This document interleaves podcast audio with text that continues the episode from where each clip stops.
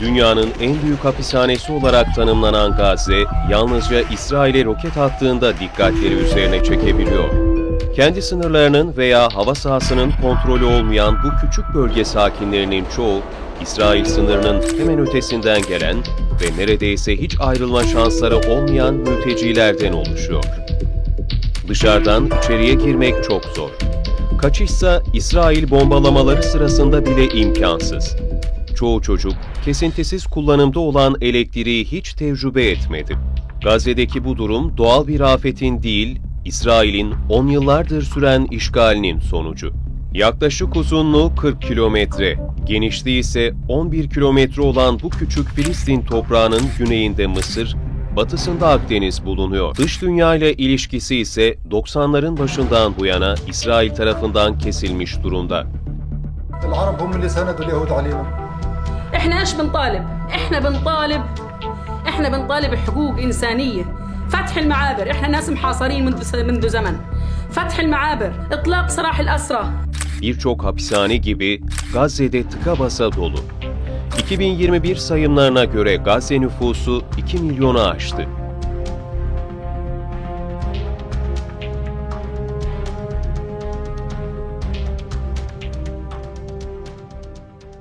Göç ettikleri bu kasaba ve köylerin birçoğunun Gazze'ye kısa bir mesafede olmasına rağmen İsrail bu göçmenlerin geri dönmesine bir daha hiç izin vermedi. İsrail 1967'de Gazze'yi işgal etmeye devam etti ve orada yaşanan insanlara sıkı yönetim uygulayarak topraklarının bir kısmını İsrailli yerleşimcilere verdi.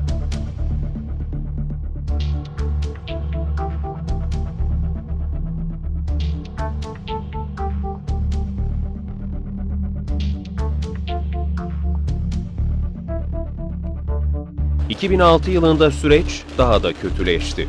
İsrail, sınırları, hava sahasını ve ekonomiyi kontrol etmeye devam ederken, askerlerini ve yerleşimcilerini Gazze'den çekti. Yine aynı süreçte İsrail işgaline karşı Hamas seçimleri kazanıp Gazze'nin kontrolünü devraldı. İsrail'in Hamas'ın bu zaferine karşı cevabı ise çok sert oldu. Gazze'nin tek olan enerji santralini bombaladı, seyahatleri yasakladı, ithalat ve ihracatı engelledi, fabrikalar kapatıldı. Balıkçılar zaten sınırlandırılmış olan alanlarda avlanamadı.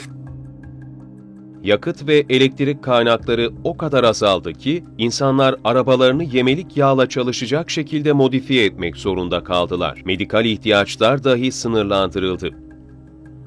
İsrail hükümeti Gazze'deki herkesin alması gereken kalori miktarını hesaplayarak içeriye ne kadar yiyecek gireceğine karar vermeye başladı. Dönemin hükümet sözcüsü olan Du Weizklas bu uygulamayı buradaki fikir Filistinlileri diyete sokmak, açlıktan öldürmek değil şeklinde açıklayacak. Uygulanan bu politikalar Gazze ekonomisini yerle bir etti. زي ما انت شايف لا تركوا طفل ولا شجر ولا حجر ولا حيوان ولا طير الا كله ايه الا كله الا كله هدموا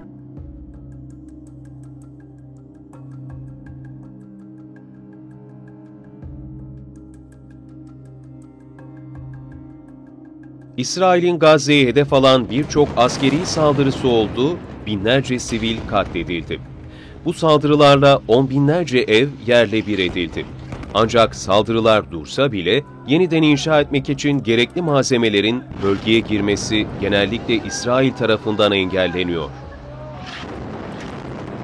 Muhasaranın sürdürülebilmesinin arkasında İsrail hükümetinin yakın müttefiki olan Mısır'ın yardımı olduğunu da buraya eklemek gerekiyor. Suudi Arabistan, Amerika ve İsrail'in ortak darbesiyle iktidarı devralan diktatör Sisi, İsrail'in tüm çıkarlarının en sadık muhafızlarından.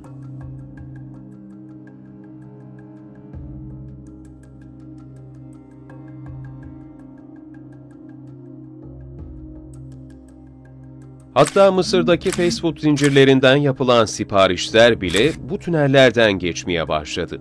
Fakat Mısır hükümeti sonunda tünellerin çoğunu sular altında bıraktı ve hatta bu kaynakları kesmek için kendi sınır kasabalarından birini yok etti. Gazze nüfusunun yarısı çocuklardan oluşuyor ve sadece bu abluk altındaki yaşamı biliyorlar. Tam gün elektrik kullanımını hiç bilmiyorlar ama bombalama başladığında kaçacak bir yerleri olmadığını biliyorlar. Büyüdüklerinde iş bulamayacaklarını da biliyorlar, Gazze'yi terk edemeyeceklerini de. Filistin'in diğer bölgelerinde yaşayan Filistinlilerle de hiç tanışamayacaklar. Tek bildikleri, dünyanın en büyük açık hava hapishanesinde yaşamın nasıl olduğu.